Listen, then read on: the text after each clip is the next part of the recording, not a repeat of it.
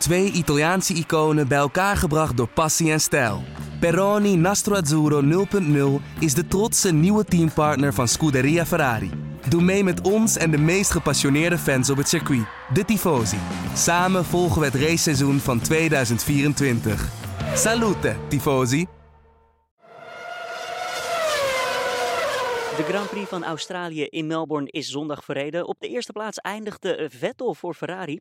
Tweede werd Hamilton. En uh, ja, als derde Iceman, oftewel Rijkonen, ook voor Ferrari. Uh, we gaan erover praten met Joost Nederpelt. Want Joost, Max Verstappen, die begon als vierde en eindigde als zesde. Laten we meteen eventjes kijken naar zijn start. Want daar ging al meteen iets mis. Ja, nou, hij had eigenlijk best een hele goede start.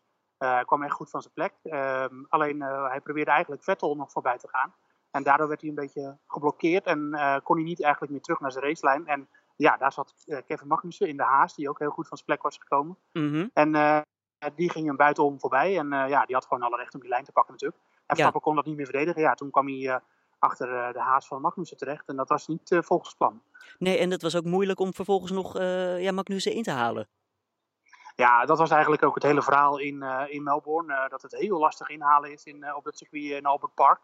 Uh, er wordt uh, veel over geklaagd, er werd al eerder jaren over geklaagd, maar zeker nu met de huidige generatie auto's is het, uh, is het zo lastig om heel dicht achter iemand te rijden. Doordat ja, er zitten zoveel aerodynamische onderdelen op zo'n Formule 1 auto en die verstoren de lucht heel erg achter de auto. Mm -hmm. En daardoor is het, is het voor iemand die, ja, die erachter rijdt, die dus ook weer afhankelijk is van die lucht voor het goed functioneren van zijn auto, is het, ja, dan zie je gewoon dat ze die inwaarts kracht verliezen als ze er kort achter rijden. En dan kunnen ze niet zo hard als de door de bocht als degene die ervoor rijdt. En dan ja, dan verlies je gewoon afstand en dan kun je dus nooit inhalen, want ja, je komt niet dichtbij genoeg. Ja, we, Verstappen probeerde het wel. We zagen hem een paar keer keihard over die curbstones heen rijden.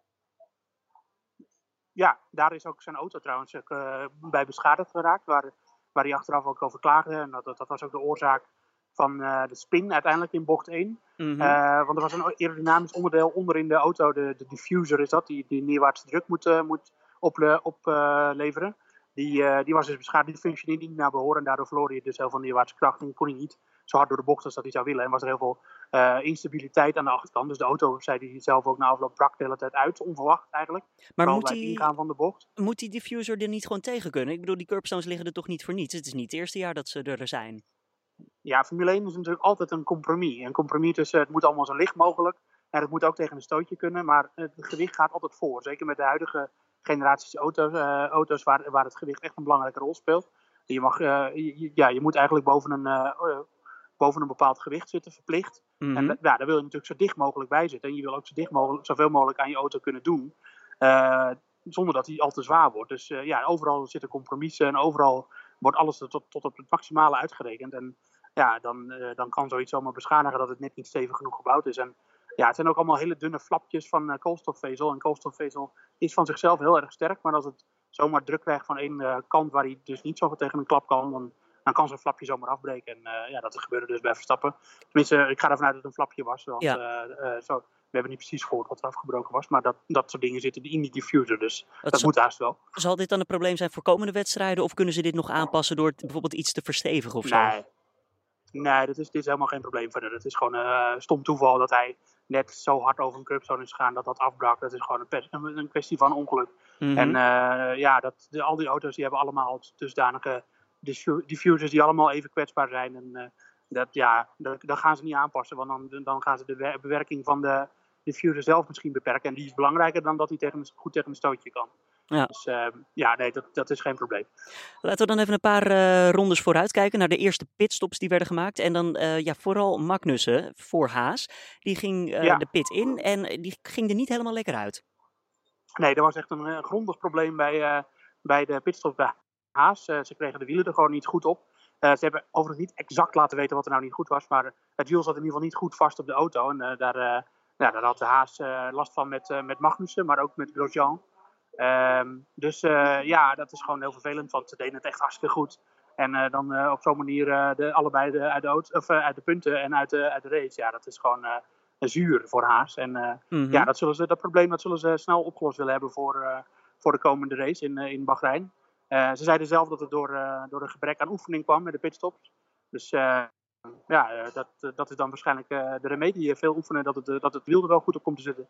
Ja, misschien... kregen we nu ook een boete voor. Mm want, want als, je, als je met een auto die, waarop de wielen niet goed vastzitten de pitstraat uitrijdt, dan, dan ben je gevaarlijk bezig, vindt de FIA, de organiserende partij.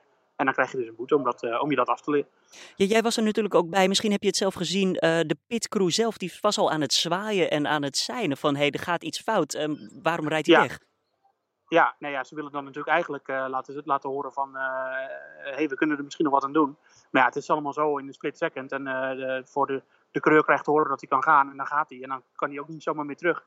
Want hij reed toen al best wel ver, ver in de pitstraat. Dus ja, het is een beetje machteloosheid waar, eh, waar, eh, waarmee ze stonden te zwaaien. Dus, eh, en ze zagen natuurlijk ook in twee plaatsen in de punten gewoon in, in rook opgaan. Het, het was een van de beste races die volgens mij Haas ooit gedaan had. Ja, zeker weten. Ja. ja. Maar ja, betrouwbaarheid is ook een belangrijke factor. En dit is toch een probleem wat ze hadden kunnen voorzien wellicht. En dat hebben ze niet gedaan. Dus ja, het, het, klinkt heel hard, maar het is ook een beetje eigen schuld, dikke bult natuurlijk. Eh, dan mhm. moet je maar zorgen dat, eh, dat alles goed voor elkaar is. Ja, die, ehm, vooral het uitvallen van Grosjean, dat heeft ehm, voor twee opmerkelijke momenten gezorgd. Eentje, laten we daar even mee beginnen. Ehm, ja, Max Verstappen. Die kwam namelijk net een split second blijkbaar te laat over de streep toen die Alonso inhaalde, toen Alonso uit de pit kwam. En toen was de virtual safety car al gaande. hij moest dus een plek weer teruggeven of zo ja, het is uh, goed dat dat gemeten kan worden. Kijk, het is, dat is eigenlijk een soort van videoscheidsrechter. Uh, het is gewoon uh, degene die als eerste de streep overgaat, die heeft het recht om de positie te nemen. Mm-hmm. En dat was in dit geval Alonso. Ja, dat is met blote oog niet waarneembaar. En het is ook helemaal begrijpelijk dat Verstappen dat niet zag. Of die gaat natuurlijk ook voor, voor het maximale. Hij of hij zag het, het wel en hij dacht misschien, misschien zien ze het niet en ik ga er gewoon voor. Maar het was gewoon zichtbaar. En daar, was, daar werd achteraf ook met geen woord over gesproken hoor, door Red Bull. Dat was, werd gewoon geaccepteerd. Als, als de tijdmeting dat aangeeft, dan is het zo. En dan heeft Alonso recht op die plek. Ja, ik vond dus, het handje ook wel mooi van Max Verstappen. Van uh, Alonso, ga dan, ga dan, neem het terug. Ja, ja, Alonso twijfelde blijkbaar ook. Ik, uh, ik weet niet waarom hij, waarom hij zo lang wachtte. Maar uh, ja, uiteindelijk was alles, viel alles op zijn plaats daarmee. Dat ja. was wel vervelend voor Verstappen, want toen kwam hij weer achter een langzamere auto terecht. Mm -hmm. En ja, wat we eerder gezegd hebben, inhalen is gewoon heel lastig in Melbourne. Ja, en dan het andere opmerkelijke, misschien wel het meest opmerkelijke moment van die hele race. Ja, uh, Vettel ging naar binnen. Die maakte ja. optimaal gebruik van die virtual safety car. Ja, dat, uh, dat kwam echt. Uh, hij zei ook van, ik zat te bidden voor een safety car of een virtual safety car toen ik langer buiten bleef dan Hamilton en Rijkonen. Want ja, dan, dan rijdt, terwijl jij binnen staat, rijdt de rest langzamer en kan jij dus tijd goed maken. En dat was ook exact wat er gebeurde. En Mercedes, ja, ik moet heel eerlijk zeggen dat ik nog steeds niet helemaal snap waar Mercedes, waarom Mercedes niet snapte wat er gebeurde. Want Hamilton, die, uh, die reed gewoon, uh, die maakte zijn pitstop. Alleen ja, die deed dat op het moment dat Vettel gewoon vol gas reed, omdat er was geen virtual safety car. En op het moment dat Vettel dat deed, toen stond Vettel binnen, toen deed Hamilton niet vol gas. Ja, dan maakte hij natuurlijk tijd goed. Dus ja, het, het, was vervelend voor, voor Hamilton en voor Mercedes, maar de Ferrari zat ervoor. En ja, Vettel kon daarvan optimaal profiteren. Want ook, ja, zoals gezegd, inhalen is heel lastig in, mm -hmm. in Melbourne. Ja, maar Hamilton was dus echt niet blij. Maar eh, na het einde, na afloop, um, bij het interview zei hij ook nog van... ja, het team heeft me niet eens verteld wat er nou is gebeurd. Dat, dat is toch ook vreemd? Zit dat allemaal wel goed bij Mercedes dan? Het is uh, een merkwaardige uh, iets bij Mercedes. Uh, vooral als het om Hamilton gaat en er gaat iets fout in de race. Dan, dan zijn ze op de een manier zijn ze altijd heel voorzichtig met wat ze tegen hem zeggen. En want ik kon me niet voorstellen dat ze niet wisten wat er aan de hand was. Want nee. het was eigenlijk volstrekt logisch. En ja, het, ik denk dat het vooral eigenlijk speelde om het feit dat, uh, dat uh, Hamilton een grote gat had moeten hebben op de Ferraris voordat hij naar binnen ging. Uh, en dat, dat was niet, niet het geval. Maar ehm, ja, nu kon Vettel dus profiteren. En het, is, ja, het is merkwaardig dat Mercedes daar zo mee omgaat. Maar mm -hmm. het is, ja, dat, dat is al enige tijd aan de gang. Tegen het einde van de wedstrijd uh, probeerde Hamilton het nog wel. Uh, hij zat eventjes op zijn stuur te klooien. Hij vroeg de hele tijd, mag het nou, mag het nou, mag het nou? En nadat hij een aanpassing op zijn stuur had gedaan, maakte hij een fout. Ja, maar dat had daar niets mee te maken hoor, denk ik. Nee? Dat is gewoon okay. uh, vooral over overdriving. Dus te veel willen geven op zo'n moment. En dan, ja, dan rij je op de limiet. En de mm. limiet betekent natuurlijk dat je er ook af en toe over kunt vallen. Ja, maar het leek wel een beetje alsof hij misschien afgeleid was. Nou, ik denk dat het gewoon vooral uh, te veel willen was. Uh, dat, uh, dat kan gewoon gebeuren. Ja, als je er vol voor gaat, dan kan het ook fout gaan. Ja, dat, dat is een halve Cruyffiaanse uitspraak, maar zo is het wel natuurlijk. Ja, dus nee, ik denk dat hij dat, dat die gok dan ook natuurlijk neemt. Hij wil er graag voorbij. Ja. Dan ga je risico nemen. En dat risico kan zijn dat het fout gaat bij het inhalen. Maar dat kan natuurlijk ook zijn dat het al fout gaat bij het, bij het er naartoe rijden. En mm -hmm. ja, dat was nu het geval. Een ander spannend gevecht op het einde, dat was uh, Raikkonen en Ricardo. Um, Ferrari versus Red Bull. Red Bull op dat moment vierde. Die auto van Red ja. Bull bleek verrekte snel te zijn. Ja, ja dat, dat was uh, ook hetgene waar Horner het meeste positiviteit uit, uh, uit trok na afloop. Want hij had het over die, die ene ronde van Ricciardo. Die, die, toen had Ricciardo zich even laten vallen, eigenlijk een stukje achter, achter Rijko. En hij liet een gat vallen. En toen reed hij daarna weer naartoe, zeg maar als een soort van laatste poging. Mm-hmm. Toen reed hij er echt heel snel naartoe. En toen zat hij zo weer achter de achtervleugel van Rijkonen en in de DRS. Maar ja, uh, ik val in herhaling, maar inhalen zat er gewoon nooit echt in. En zeker niet met het gebrek aan vermogen wat, wat de Red Bull heeft. Dus dat, het was optimistisch en zij kwam er dichtbij. Maar ik had niet het gevoel dat Kimi in de stress zat. Want die wist ook wel, als ik gewoon voluit ga op het rechtstuk, dan kan hij me nooit voorbij. En dat, dat bleek dus ook. Het is niet voor niets dat ze hem de Iceman noemen, toch? Ik bedoel, hij blijft cool op de weg en hij blijft cool op het podium. Ja, dat zag je eigenlijk ook met twee vergelijkbare situaties. Verstappen zat vast achter de achter de zeer betrouwbare en ervaren Alonso. En dat zei Verstappen ook na afloop. Ja, dat is geen pannenkoek. Die, die maakt niet zomaar een foutje. Uh, dus dan kan je er heel nerveus achter zitten. Maar dat, dat soort jongens die dwingen niet zomaar in een fout. En dat geldt natuurlijk ook voor Rijkonen. Mm Rijkonen is, is een wereldkampioen, een meervoudig racewinnaar. En, uh, misschien zit hij niet meer op de toppen van zijn kunnen. Maar die, die maakt in zo'n situatie geen fout meer. En dat, dat gebeurde dus ook niet. Zeg 1 dus Vettel, 2 Hamilton, 3 Rijkonen. Kunnen we wat zeggen over de ja, verloop van de komende wedstrijden? Heeft dit wat laten zien in ieder geval? Wat we nog niet wisten? Ja, dat heeft zeker wat laten zien. Het heeft vooral met name laten zien, dat, en dat wisten we eigenlijk al, dat Mercedes snel is in de races. En in de kwalificatie met de party mode. Mercedes heeft de snelste auto, dat, dat staat wel redelijk vast. Zeker op dit soort circuits waar, circuits waar, waar vermogen erg belangrijk is. En mm -hmm. die Mercedes motor, dat is gewoon de sterkste motor van het veld. Um, Ferrari zit daar dicht achter. Maar ik wil eigenlijk wel een keer uh, zien een mooi duel. Waarbij er ook ingehaald kan worden tussen de Red Bulls en de Ferrari. Want het zou mij niet verbazen als de Red Bull qua race snelheid, dus in de races, niet in de kwalificatie, maar in de races, sneller is dan de Ferrari. Want Ferrari had, had gewoon heel veel geluk. Uh, zondag. En uh, ze zaten er nog dichtbij Hamilton om ervan te kunnen profiteren. Ja. Maar uh, ik denk dat de Red Bull eigenlijk ietsje sneller is. En dat kunnen we dus alleen al afleiden aan het feit dat uh, Ricciardo zo snel weer naar Rijko toe kon rijden in de race. Op dezelfde banden van dezelfde leeftijd. Dus ja, dat is nog interessanter te zien. En daar komt gewoon een groot deel van het optimisme bij de, van Red Bull vandaan. Zien we dat over twee weken dan ook terug bij Bahrein?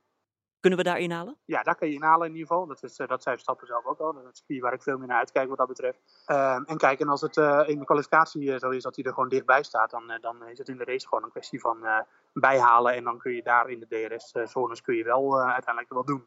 en er zijn ook meerdere punten daar op de baan waar zeker een Verstappen gewoon in kan halen. Dus eigenlijk is Bahrein wat betreft de, de maatstaven en de onderlinge verschillen een interessantere race dan Australië. Dat moeten we nu wel concluderen. Vooral omdat je in Australië gewoon niet in kan halen. Dat, uh, dat was echt het, uh, de grote discussie na afloop. Uh, van moet er wat gebeuren? Verstappen vond dat er wat aan de auto's moest gebeuren. aerodynamisch. Horner vond dat er wat aan het circuit moest gebeuren. Die vond dat het, de twee rechte stukken waar die door, gespitst worden door bocht 1.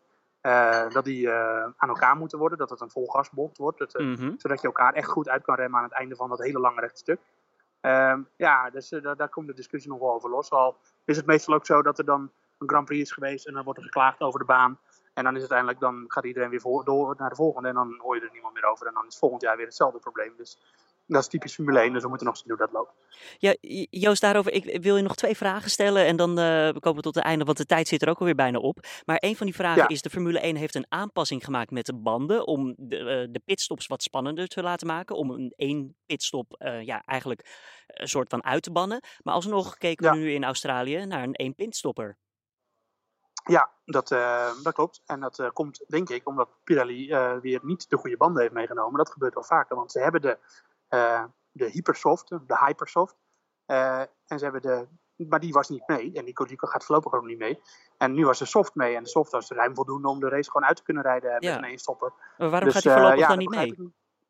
Ja, dat begrijp ik niet. Dat die selectie maakt Pirelli. En ja, daar kan ik ook de vinger niet achter Oké. krijgen waarom ze dat doen. Maar dat toch te conservatief, denk ik. En dan nog die andere vraag, Joost. Ehm, Hamilton op het einde, die werd eh, toch wel eventjes uitgejoeld door het publiek. Eh, Ik hoorde heel veel boegeroep bij de eh, prijsceremonie. Is dat een tendens die we misschien ook wat meer merken? Nee, Hamilton is nooit de populairste coureur geweest. Maar ik moet zeggen, ik heb veel coureurs wel eens uitgejouwd zien worden. En ja, waarom Hamilton nu uitgejouwd werd, dat, dat was me eigenlijk niet helemaal duidelijk. Misschien eh, omdat er best wel veel Ferrari-fans waren. Misschien waren de Ferrari-fans al niet en waren de Australiërs. Ik weet, ik weet het echt niet. eh. ik vind het in ieder geval eh, echt teleurstellend dat mensen zich zo gedragen tegenover topsporters. En tegenover een viervoudig wereldkampioen als Lewis Hamilton. eh, als je daar staat en je staat bij een podium en je ziet die man daar staan, die toch echt heel veel heeft laten zien in een Formule 1 auto, dan moet je daar gewoon diep respect voor hebben. En als je, als je daar naartoe komt om iemand uit te jouwen, dan moet je gewoon lekker thuis blijven. Dat is mijn, mijn stevige mening daarover. Ik vind dat echt schandalig, wat het gedrag. Over twee weken een nieuwe race en nieuwe kansen voor Max Verstappen. Dan zijn we dus op Bahrein. Over twee weken Bahrein, inderdaad. Ehm, ja, dat wordt een interessant circuit, want zoals ik zei, daar kan wel ingehaald worden. Um, dat heeft ook echt meer bochtige gedeeltes dan, uh, dan Australië. Dus uh, misschien gaan we daar iets meer van de Red Bull zien. Um, en eigenlijk ja, uh, heb je een paar races nodig om de balans op te kunnen maken. Maar ja, Bahrein is in, in dit opzicht wel denk ik echt een scherprechter. Dus ga vooral kijken, denk ik. dat wordt een interessante race.